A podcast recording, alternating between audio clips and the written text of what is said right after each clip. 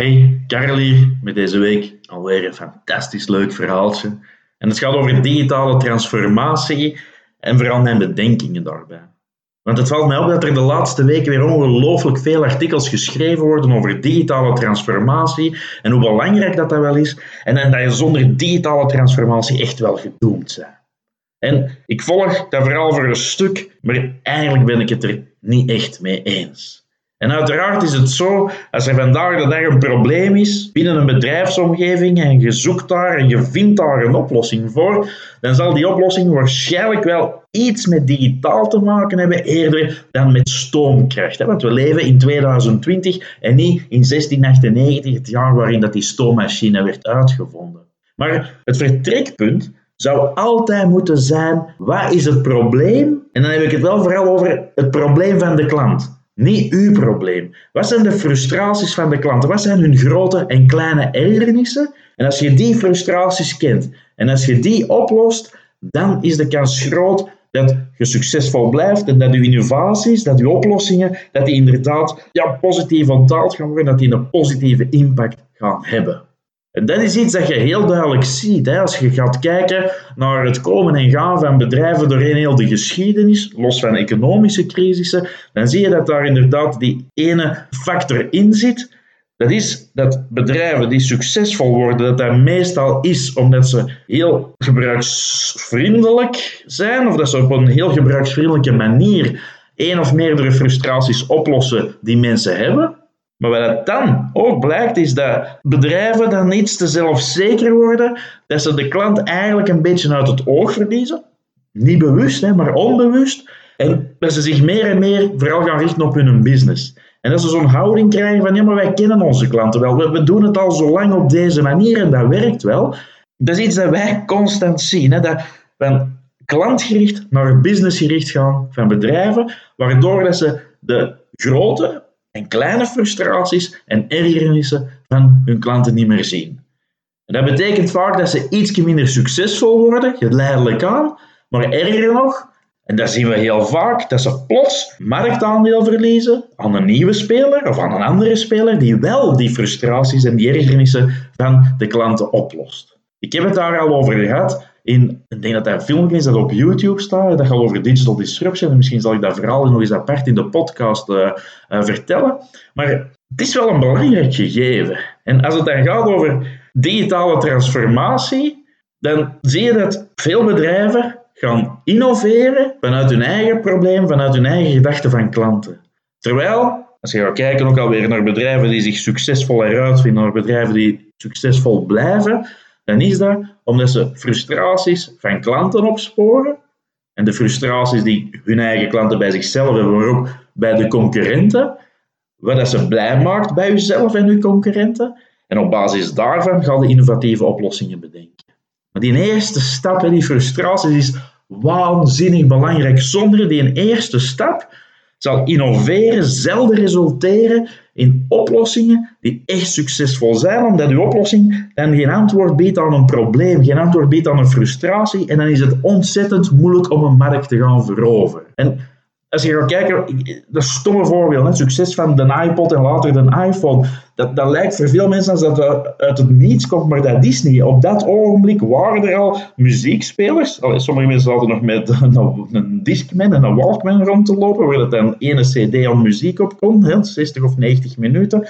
Anderen hadden al wel een digitale muziekspeler. Ik heb er een van Soundblaster, denk ik. Er stonden ik weet niet hoeveel knopjes op, dat werkte niet. Dat was een heel technisch gegeven. En ineens komt Apple met een oplossing. In dat de slogan was: More than 1000 songs in your pocket voor de eerste. Super gemakkelijk te bedienen. Maar dat is een antwoord, een oplossing voor frustraties die mensen hadden. Hetzelfde met een iPhone. En Jacob Nielsen had dat in 2000 al gezegd, hè, dat voor mobiel om succesvol te worden, dat dat grotere schermen moesten worden, waar dat je meer mee kunt doen. Maar het heeft wel tot een iPhone geduurd dat er een gebruiksvriendelijke oplossing voor kwam. De frustratie die opgelost wordt door die iPhone is ongelooflijk. Tot dan toe hadden gsm's met knopjes en dan moesten voor de C al drie keer op A duwen om een C te krijgen in een tekstbericht. Je kon daar niet veel mee doen. Het internetgebruik, ja, dat was, dat was onmogelijk op de meeste van die toestellen. Je moest dan nog apart een muziekspeler hebben, nog apart een fototoestel, heel uw zak. Dat zat vol met allerlei toestellen en een iPhone biedt daar een oplossing voor. En dat komt niet zomaar uit het creatieve brein ploeps binnengewaaid. Allee, dat kan, hè, maar dat is zeer uitzonderlijk. Maar dat vooral belangrijk is, is dat je de frustraties aan de mensen in die markten gaat ontdekken, dat je die te weten komt. En dat is ontzettend belangrijk. En wat je dus moet stoppen als bedrijf, is altijd vertrekken vanuit jezelf. Want dat is wat bedrijven vaak doen als ze gaan innoveren, een oplossing zoeken voor de dingen die zij ervaren als een probleem, intern, of wat zij denken dat klanten als een probleem hebben. Maar dat werkt niet. Innovatie is niet om uw leven gemakkelijker te maken, maar dat moet gaan om het leven van uw klanten gemakkelijker te maken. Als het over uzelf gaat, dat is geen digitale transformatie, dat is gewoon navelstaarderij. En wat dan nog erger is, en dat klinkt belachelijk, maar ik zie het heel vaak, is dat bedrijven zeggen, ah ja, we moeten digitaal transformeren, dus oh ja, wat zullen we eens gaan digitaal transformeren? Maar dat is het echt gewoon totaal niet. Hè? En tijdens de coronacrisis zag ik een artikeltje in een krant staan van een bakker, die eigenlijk een heel innovatieve oplossing had bedacht voor een ja, onbewust probleem dat er was. Met name, ja, mensen konden niet, niet buiten komen of voelden zich onveilig om buiten te gaan. Uh, dus je kon moeilijk zelf een taart gaan halen en die ja, naar iemand gaan brengen, een cadeau gaan brengen. En heeft toen een taart op de markt gebracht die iets lager was en iets smaller als een normale taart, zodanig dat ze in de brievenbus paste. Een heel simpele oplossing. Hè? Je taart minder hoog en minder breed maken. En ik kan me inbeelden als je er niet lang genoeg over nadenkt, of misschien als je er te lang over nadenkt, dat er ook weer allerlei oplossingen hadden gekomen die misschien wel met digital te maken hadden, met bestelplatformen, met delivery door drones en een afhaalsystemen. Je kunt het zo zot mogelijk niet bedenken, want dat is wat er vaak gebeurt als hippe consultants en creatievelingen samen en strategen samen in een kamer zitten. Maar eigenlijk moet je vaak de oplossing niet zo ver gaan zoeken. Wat ik echt wel niet zeg, is dat je niet moet innoveren. Hè. Verre van, je moet innoveren, je moet vooruit gaan. Maar wat het heel belangrijk is, is dat je daarbij altijd vertrekt vanuit de frustraties, vanuit de noden van je klanten. Niet vanuit jezelf, niet vanuit de dwang van digitaal. En dat laatste is iets te veel aan het gebeuren, de dwang van digitaal. Nee, wat zijn de frustraties? Hoe kan je die oplossen? En ja, mogelijk kan digitaal daar dan een rol in spelen. En zelfs zeer waarschijnlijk. Dat gezegd zijnde, deze week en deze week alleen, tot vrijdag 29 mei, geven we 50% korting op al onze online opleidingen. We hebben opleidingen over UX, over user research, over copywriting, over Google Ads, over SEO, over videomarketing, content marketing, AB-testen. Allemaal gegeven door de absolute top-experts die er zijn in Nederland en België. En op de individuele opleiding kan je korting krijgen van 50%, maar nog straffer ook op het jaarabonnement krijg je op dit ogenblik 50% korting omdat we één jaar bestaan met die academie. En dat betekent dat je voor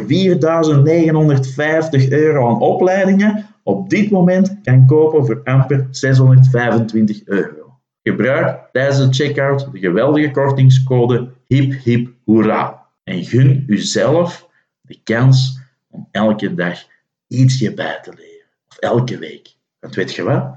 Met zo'n jaarabonnement krijg je ook elke week een tip die ik niet vertel in deze podcast, die ik niet ergens online zet, maar die er alleen is voor de abonnees. Tot volgende week. Cheers.